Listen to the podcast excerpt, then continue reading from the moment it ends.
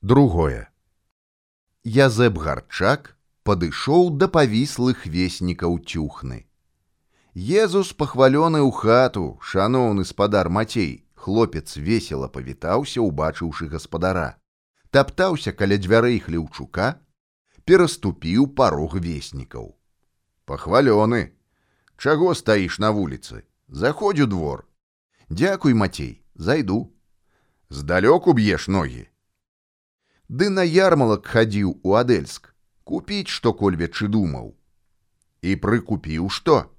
Ды не грошай не хапіла хай на яго ліха. І што ж ты купіць хацеў язэп? Хлопец скінуў з пляча стары мяшок кінуў сабе под ногі. Кажушок хацеў сабе набыць маразы пякучыя стаяць. Не старгаваўся з дзядзькам ні гроша не ўступіў скнарны папаўся і не кажы Мацей драўлянымі віламі пераносіў сена ад пунькі да каровы. Непрыкметна віламі падчапіў мяшэчак язэпа, пасунуў бліжэй да варот хлеўчука. Ужо цішэй, нагнуўшыся, паведаміў гарчаку. Сёння ў Маркевіча збіраемся, у якога жыве станкевіч. Позна ўвечары. Шмат прынёс. Больш за сотню. Добра. Сёння раздамо сялянам.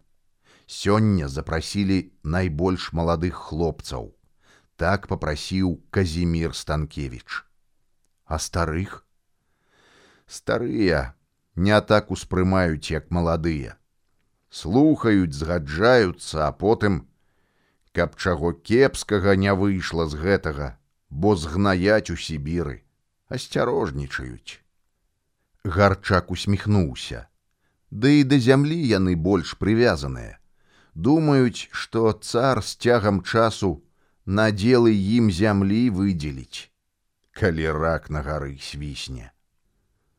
Патаптаўшыся яшчэ які час у двары мацея, былы студэнт пецярбургскага універсітэта Язэб гарчак, перадаўшы тайную пасылку, пакрочыў сваёй дарогай далей. Ён быў дзейным сябрам польска-літоўска-беларускага студэнцкага таварыства. Браў удзел у студэнцкіх хваляваннях. Жандары арыштавалі яго. Два месяцы праседзеў у кранштадтскай крэпасці. Выслалі на радзіму пад нагляд паліцыі. Хата селяніна Маркевіча была трохі прасторнейшая за астатнія, таму і вырашылі збірацца ў яго. Вяскоўцы чыталі газету мужыцкая праўда. Казімир Станкевич найбольш адукаваны сярод іх. Я маю панове для вас падаруначак, прыходзячы ў вёску казаў ён звычайна сялянам, перадаючы ім газету каліноўскага.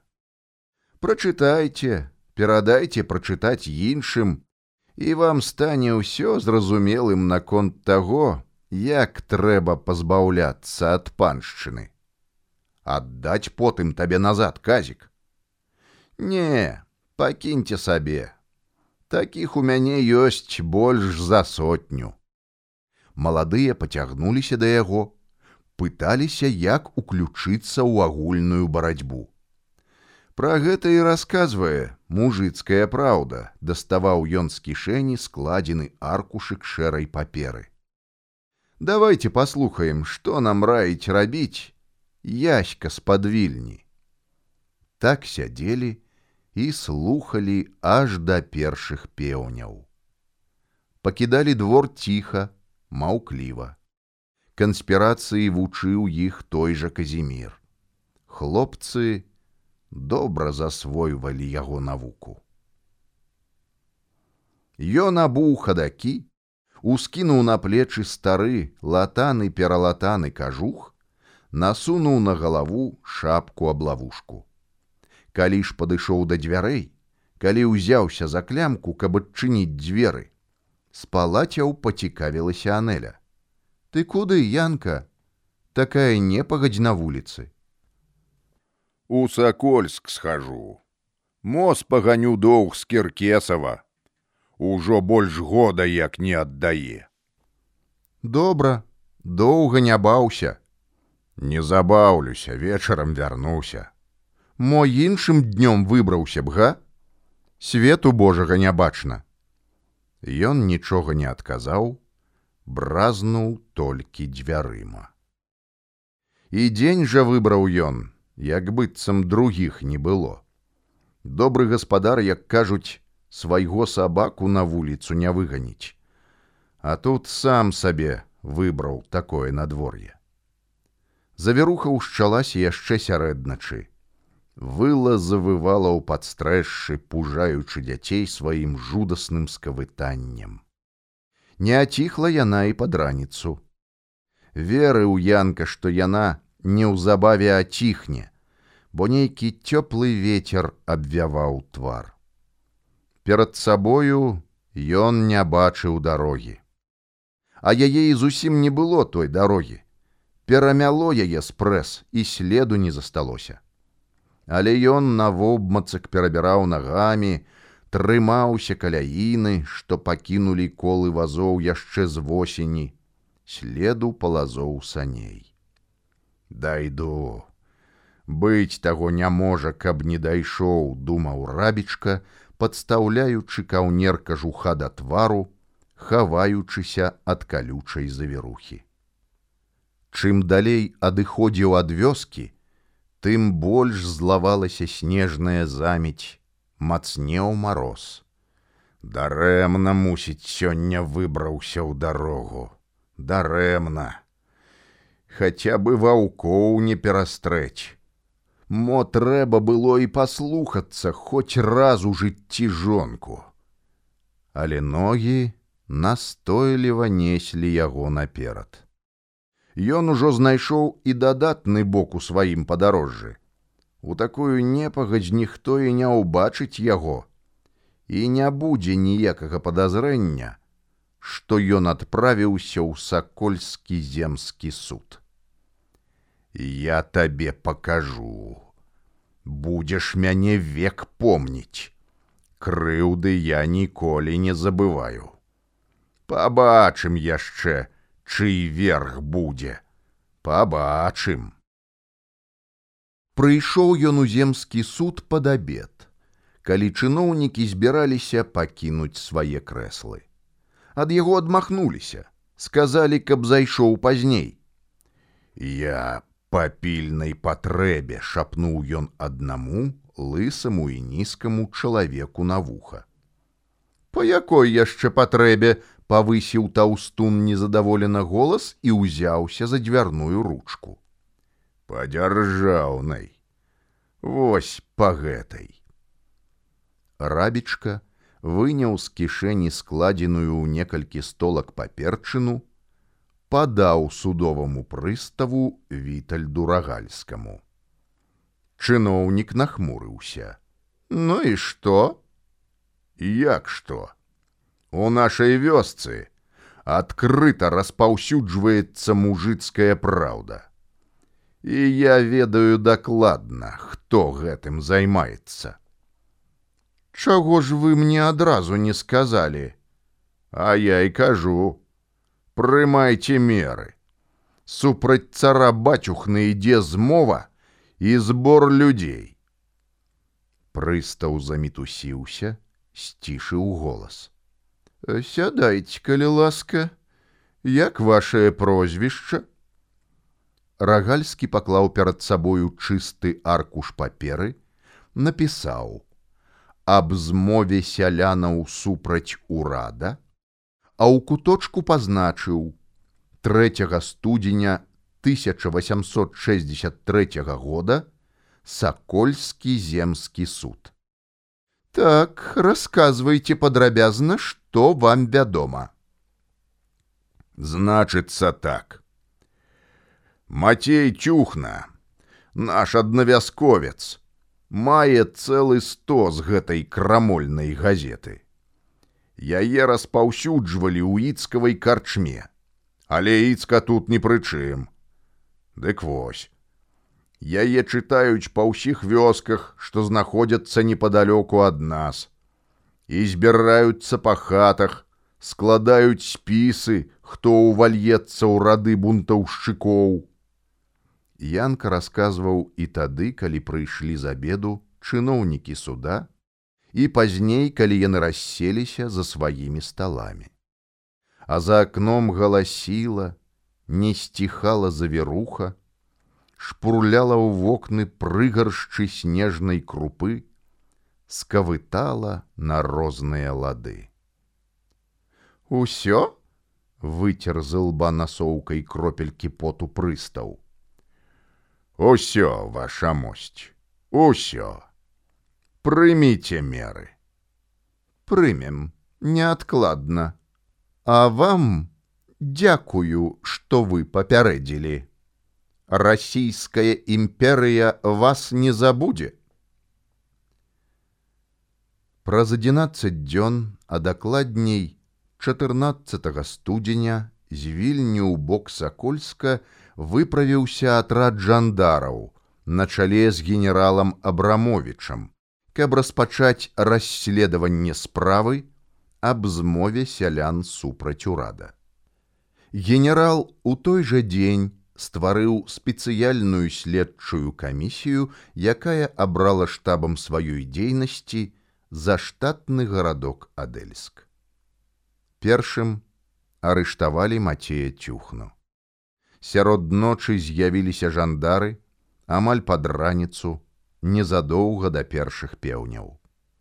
У сподніках так і схапілі, калі ён выйшаў у сенцы на падманны голас быццам бы селяніна грушы з суседняй вёскі, які нібыта пажадаў купіць у яго цялушку. Бліснулі ліхтаром у вочы, і жандар пазнаўшы прамовіў Ён мацей цюхна у акалотак яго цяпер да другога завадатара батрака казіміра станкевіча калі ж падышлі да хаты маркевіча каб схапіць казіміра то расчаравана пераглянуліся не было батрака ў хаце а маркевіч паціскаў здзіўлена плячыма адказваў Ды даўно яго паночкі няма. Пашыў кажухі і некуды падаўся. Як аб'явіцца, я вам адразу і скажу. Мацей падумаў: Чорта лысага вы зловіце яго. Ён у гарчака хаваецца. І мяне ж папярэджваў гарчак, каб я сышоў на час з дому. Не паслухаўся дурань калі прывялі на першы допыт, спакойна адказаў на пытанні. Зваць як? Завуць мяне мацей, бацькі не ведаю, а празываюся цюхна. Год колькі? Ды няма яшчэ 45, неўзабаве будзе. Следчы свідраваў селяніна злым вокам, тлумачыў заклікаў хлебаробаў ісці ў паўстанскі атрад. Заклікаў. Тое пацвярджаюць і сяляне. Нікога я не заклікаў, самі прасіліся. Збіраў сам такія атрады. Збіраў. Даваў мужыцкую праўду са словамі: Прачытай і будзеш сам усё ведаць. Даваў таксама сяляне пацвярджаюць. Раіў ім яшчэ зрабіць змову і не даваць рэкрутаў. Не было такога, я ні пра што не ведаю. Следчы усміхаўся, пазіраючы на хітрага селяніна.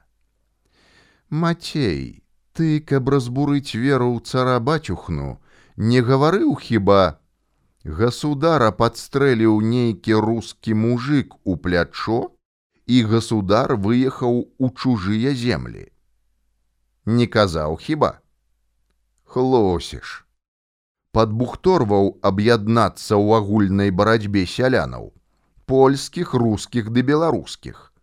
Прызнавайся нам усё ўсё вядома. Нічога такога я не гаварыў. Гэта мусіць рабічка на мяне паклёп узвёў паглядаў на следчага мацей. За тое што яму роза гусыпалі добрых. Дык гэта ж з-за каня ўсё яго конь па траву мне ў жыце зрабіў не верыце у прыстава спытайце спыталі спыталі ў яго і ён сведчыць, што ты раздаваў крамольную газету. Называй сваіх памагатых. Мацей паціснуў плячыма. Не ведаю нічога. Мне ніхто і ні ў чым не памагаў. Дзе знаходзіцца цяпер Язэб гарчак. Ён не адзін раз заходзіў да цябе. Што прыносіў у мяшку? Маўчанне. У пастанове камісіі ад 26 студзеня указвалася, што былы студэнт Язэб гарчак прымусова высланы на радзіму ў паселішча скраблякі, дзе мае ладны ўчастак зямлі. Але на вялікі жаль ён не клапоціцца пра сваю гаспадарку, раз'язджае па навакольных вёсках, сустракаецца з сялянамі, вядзе з імі крамольныя гутаркі, ці не так? Усё ведаюць усё падумаў з горы чумацей сочаць за ўсімі віжуюць. Да змовы супраць урада былі далучаны не толькі вайнёўцкія сяляне але і з суседніх вёсак мінкоўцы номікі чапляеўка геста у гэтых мясцінах найперш і з'явілася мужыцкая праўда. Дед Макавей знайшоў нумар газеты аж у канцы ліпеня, а ў канцы снежня 1862 года два наклады газеты за нумаром 5 вырваў з рук сялянаў у вайнёўцах сакольскі акруговы начальнік дзяржаўных маёмасцяў сакалоў. Адзін з гэтых накладаў праз міністра дзяржаўных маёмасцяў зялёнага ўжо ў пачатку наступнага года трапіў у трэцяе аддзяленне. Дзіўна, але назіралася такая рэч. Калі селянін непісьменны і слова прачытаць не мог, то меў абвостраную памяць. Мог запомніць увесь нумар газеты і пераказаць любому, хто прасіў пра тое. Калі той жа сакалоў прыпяў да сцяны з метра Якушова і запатрабаваў прызнанняў, якія нумары газет той чытаў, ён адказаў: « Я же чытаць не ўмею, пан начальнік. Як не ўмееш, калі ты як папісанаму пераказаў усю газету. Селянін засмяяўся. Вось тут вы правільна сказалі, пане начальнік але ж я не ведаю ніводнай літары, каб прачытаць. А раз пачуўшы нешта, я тое ўсё жыццё буду трымаць у памяці. А хто табе чытаў напісанае? Я і мой кум Міхась Зянчук збіралі ў лесе ламачча, працягваў далей зміцер, разумеючы, да чаго хіліць начальнік маёмасцяў. Халады пачаліся кум, як і я, непісьменны. Яму нехта ў карчме прачытаў газету, а ён возьми ды запомні ўсё да драбніц. Збіраем ламачча, а ён мне расказвае. Адзін раз расказаў, а я даслоўца запомніў. Не верыце, праверце.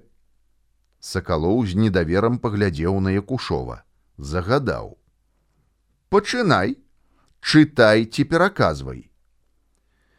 Зміцер зажмурыў вочы, адхіліў назад галаву, пракаўтнуў сліну, ад чаго здрыгануўся востры кадык на шчэцці.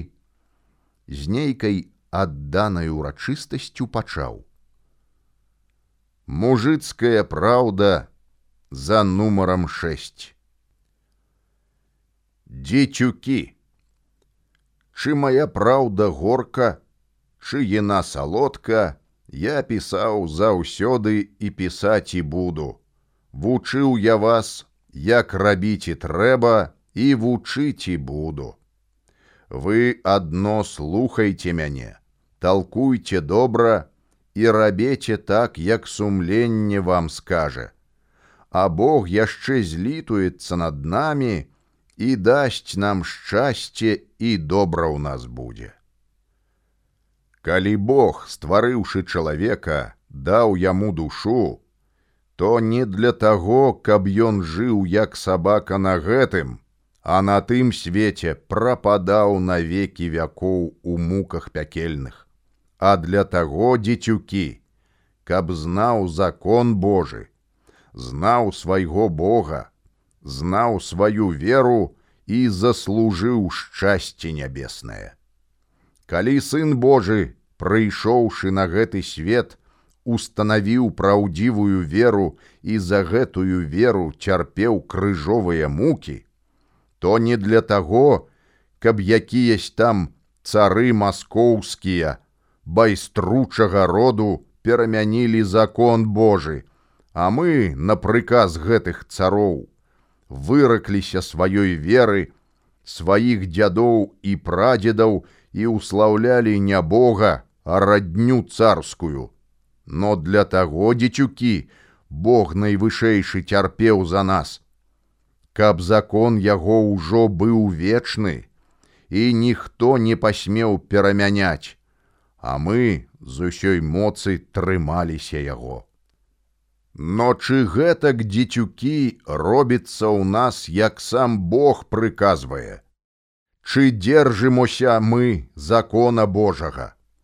Самі скажэце, не адзін уже можа забыўся, што бацька яго быў яшчэ справядлівай уніяцкай веры і ніколі ўжо не ўспомніць, як ператварылі яго ў схізму на праваслаўе, што ён сёння, як той сабака жыве без веры, і як сабака сканае на радасць д'яблу ў пекле. О, дзецюкі! Досыць! ускрыкнуў не вытрымаўшы больш слухаць крамолу дапытчык досыць замоўкні заадно толькі тое што паўтараеш гэтыя крамольныя радкі цябе трэба згнаіць у сібіры мужик расплюшчыў вочы недаўменна паглядзеў на следчага дык вы ж самі загадалі мне гэта рабіць чытаць па памяці ніхто табе не загадваў Я правяраў, ці не хлусіш ты. Табе зямлю трэба гноем урабляць, панства карміць, а ты ў рэвалюцыянеры падаўся. Як у вас кажуць, не ў свае сані не сядай, так? Вось і ты, зміцер, не ў свае сані сеў. Хто і якія даў сані, у тыя і сеў. Мужик прымружыў вочы, гледзячы ў столь, налажыў на сябе крыж, пачаў маліцца. Божа наймагутны, валадар наш міласэрны, Ты пра нас не забывай, злітуйся над намі, памажы нам у нашай нядолі, выгані маскаля з нашага краю. Дай нам сапраўдную свабоду і веру нашых дзедаў і прадзедаў, і касцёлы, якія маскаль, нячыстая сіла, разбурыў ці перарабіў на канюшні і церквы, зноўку засвецяцца ў славу тваю, і народу іх славіць цябе будзе, як славілі нашыя продкі. Запяём тады ў адзін голас нашу песню святую, святы Божа, святы моцны, святы несмяротны, змілуйся над намі. І Богу сявышні злітуецца над намі, паможа нам у нашай працы, а на тым свеце дасць валадарства нябеснае, і не будуць ужо дзеці нашыя сваю матку праклінаць, што на свет нарадзіла. Следчы здзіўлена глядзеў на верніка. Як быццам і маліўся, але малітва нібыта была працягам таго, што ён перад гэтым чытаў па памяці. А гэта з якога нумара газеты? Зміцер, не задумваючыся, адказаў: « Шостага вас пане, шостага.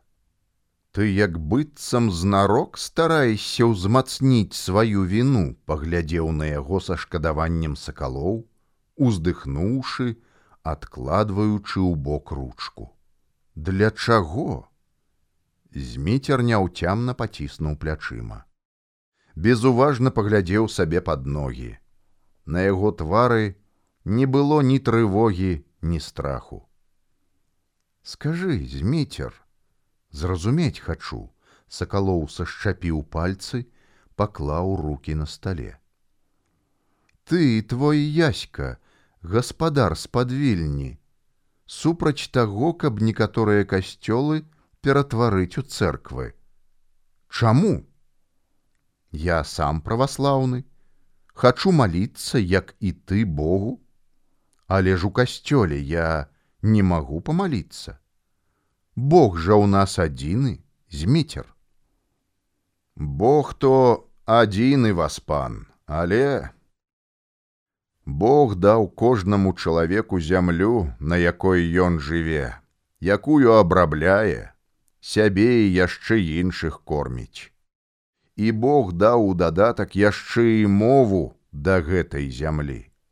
І загадаў маліцца на мове гэнай зямлі, інакш ні шчасця, ні плёну ён нам не дасць. А на якой мове вы праводзіце малебен на нашай зямлі?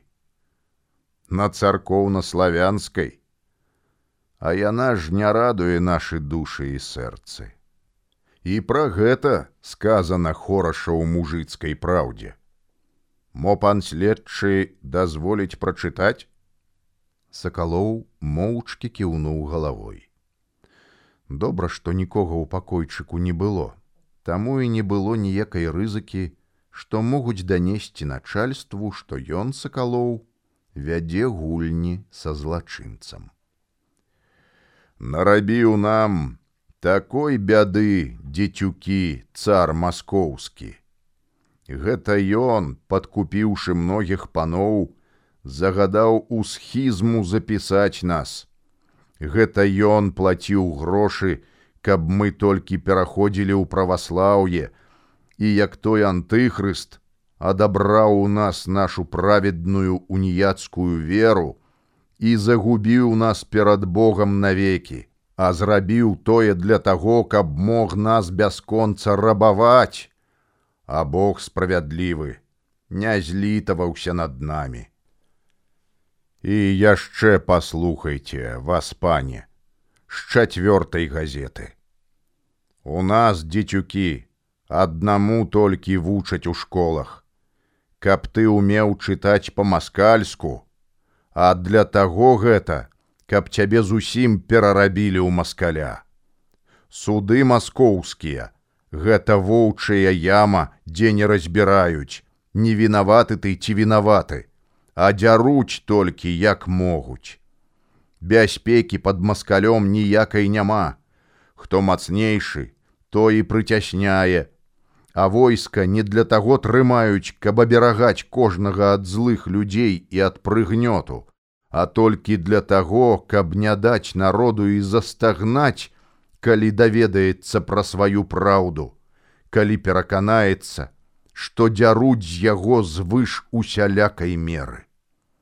Урад маскоўскі, як той злы пан, што пачынаючы ад камісара аж да цівуна, дазваляе кожнаму народ душыць, каб як мага больш грошай у кішэню яго папала. Следчы не перабіваў з метра, але той сам замоўк, апусціў галаву долу калі ж кожны мужик так уверуе, то вялікая хваля можа ўзняцца, падумаў сакалоў. А змейцер працягваў: Шесть лет уже мінула, як пачалі гаварыць о свабодзе мужыцкай. Гаварылі, толкавалі і пісалі много, а нічога не зрабілі. А гэты маніфест, што цар з сенатам і з панамі для нас напісаў. Ніякай у нём няма праўды, няма з яго для нас ніякай карысці. парабілі канцылярыі, зрабілі суды, як бы гэта не ўсё роўна браць у сраку чы з судом, чы без суда. Парабілі пісараў, пасрэднікаў, а ўсё за мужыцкія грошы і вялікія грошы. Чорт іх ведае на што, для таго хіба, каб записывалі ў ксёншкі, як многа напішуць на сраках мужыцкіх. А з гэтага то і відаць, што нам нічога добрага не думалі зрабіць. Праўда, абяшчалі то калісь даць нам вольнасць, Но як нам здаецца на наш мужыцкі розум, што хочуць ашукаці, бо калі праз шэсць лет нічога не зрабілі, то чэраз рок пэўне не зробяць. Могуць яшчэ напісаць і і другі маніфест, яшчэ больше ад гэтага. Но і з гэтага другога маніфесту нічога добрага, як і з першага не будзе. Ад маскаля і паноў няма чаго спадзяваціся, бо яны нявольнасці, а глуму і здзерства нашага хочуць. Но нядоўга яны нас будуць абдзіраці, бо мы пазналі, где сіла і праўда, і будзем ведаць, як рабіць трэба, каб дастаць зямлю і свабоду. Возьмемся дзецюкі за руки і дзяржэмся разам, А калі паны схочуць трымаць з намі, так няхай жа робяць па свентай справядлівасці, бо калі іначай, так чорт іх пабяры. Мужик, пакуль здужае трымаць і касу і сакеру, бараніць свайго патрапіць і ў нікога ласкі прасіць не будзе. Зміцер уздыхнуў, паглядзеў на сакалова, дагаварыў: Гэту мужыцкую праўду, напісаў і зноў пісаць і будзе яська гаспадар з-пад вільні. Як чыноўнік, які абараняе інтарэсы свайго ўрада і краіны, як акруговы начальнік дзяржаўных маёмасцяў, ён павінен быў прымаць неадкладныя меры ў адносінах да злачынцаў рознага гатунку, таких вось як гэты селянін хаця б. Але нешта подказвала падсвядома яму што нельга рабіць рэзкіх і неабдуманных рухаў. Спакваля трэба спакваля. Не лезці на ражон не палохаць селяніна скажы змецер А адкуль магла трапіць гэтая газета да гарчака, цюхны і станкевіча? Адкуль? Каб жа я так ведаў. Нехта раскідваў ці прывозіў. Яе можна было ўбачыць у карчме, а то знаходзілі ў жыце. Казалі, што пакунак яе знайшлі каля крыжа на раздарожжы да вёсак мінкоўцы і чапляеўкі газету знаходзілі амаль у кожнай вёсцы в аспане. Так у яго і выведаеш, падумаў са скрухай акруговы начальнік. Хітры што ліс. Сакалоў ведаў, што на сходах у хаце Маркевіча часта прысутнічаў фельчар сакольскага пісарска-егерскага вучылішча Сянкевіч. З ім не раз сустракаўся як і ў самім вучылішчы, так і на вуліцы. Нічога падазронага ён не выклікаў, нідзе не выступаў супраць парадкаў. Але раз прысутнічаў на сходах, то трэба прымаць меры. Загадваў вучылішчам у рублеўскі. Яму і адаслала следчая камісія паперу зварот, у якой выказвалася просьба, каб ён прыслаў неадкладна фельчара ў адельск. Замест цянкевіча ў следчую камісію прыйшоў пісьмовы адказ. У рублеўскі пісаў, што на вялікі жаль фельчара сянкевіча прыслаць нельга, бо ён па сямейных абставінах учора выехаў у гародню. Сакалоў здагадваўся, што тут не ўсё чыста. Рублеўскі мой сам замешаны ў гэтай справе, але не захацеў разбірацца ў гэтым глыбей і канкрэтней. Следства і так зацягнулася. Начальства ж гэтага не любіць. А тут яшчэ непадалёк ад Адельска адбыліся сутычкі з паўстанцамі. У ход пайшлі косы і сякеры. Сяляне былі настроеныя рашуча і непрымірэнча. Так што фельчар, дзякуючы абставінам і загадчыку вучылішча, пазбегнуў адказнасці.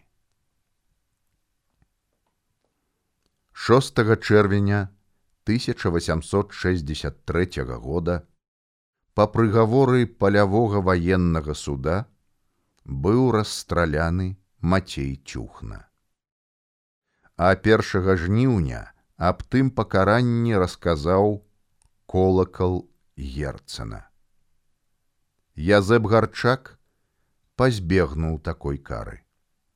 Следчая камісія не змагла юрыдычна і дасканала даказаць віну былога студэнта петербургскага універсітэта. Яго выслалі пад строгі нагляд у пермскую губерню. Ян карабічка і не падазраваў, у якую жыццёвую каламуць ён кінуў сам сябе. Можа, каб ведаў, то за тысячы вёрстаў абабег бы тую следчую камісію і яе следчых. Калі ж стала вядома, што расстралялі цюхну па даносе янкі рабічкі, у адзін голас загулі ўсёй вёскай. Вытурыць яго з вайнёўцаў. Як вытурыш, калі ён у царскіх памагатых сваім стаў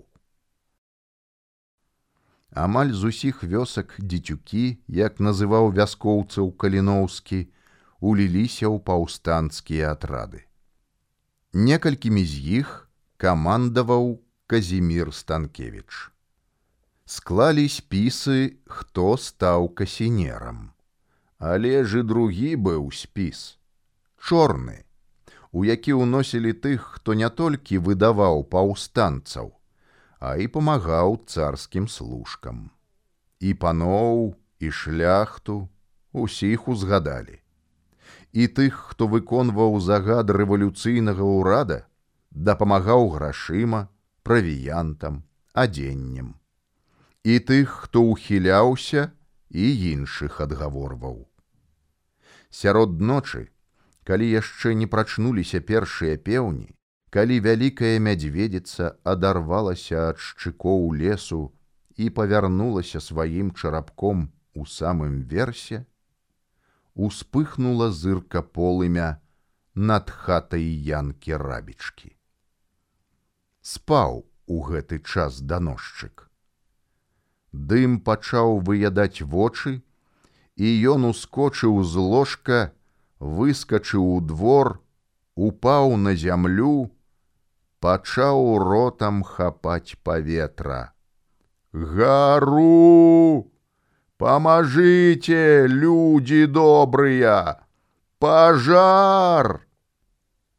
Ніхто не адгукнуўся на просьбу.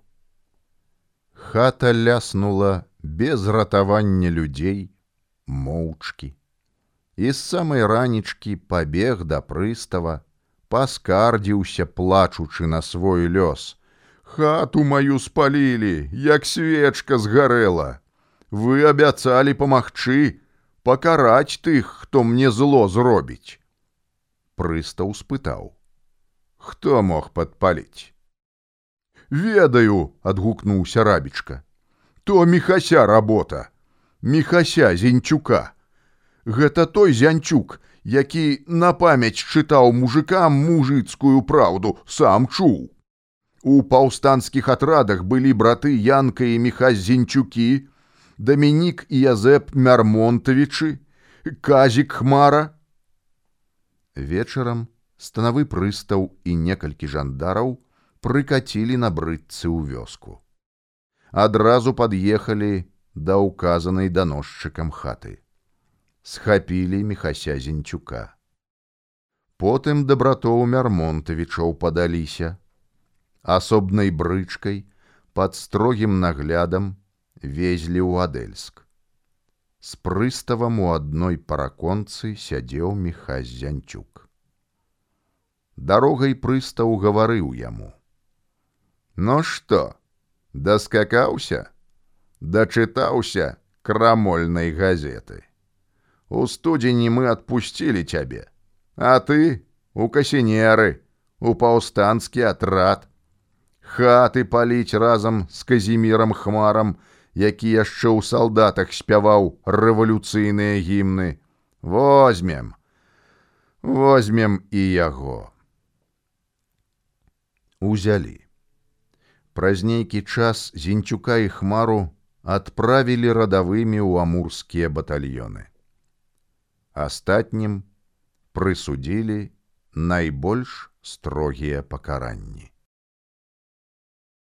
Справа нумар 387. О крестьянах Иване и Михаиле Зинчуках, Доминике и Иосифе Мермонтовичах и Казимире Хмаре.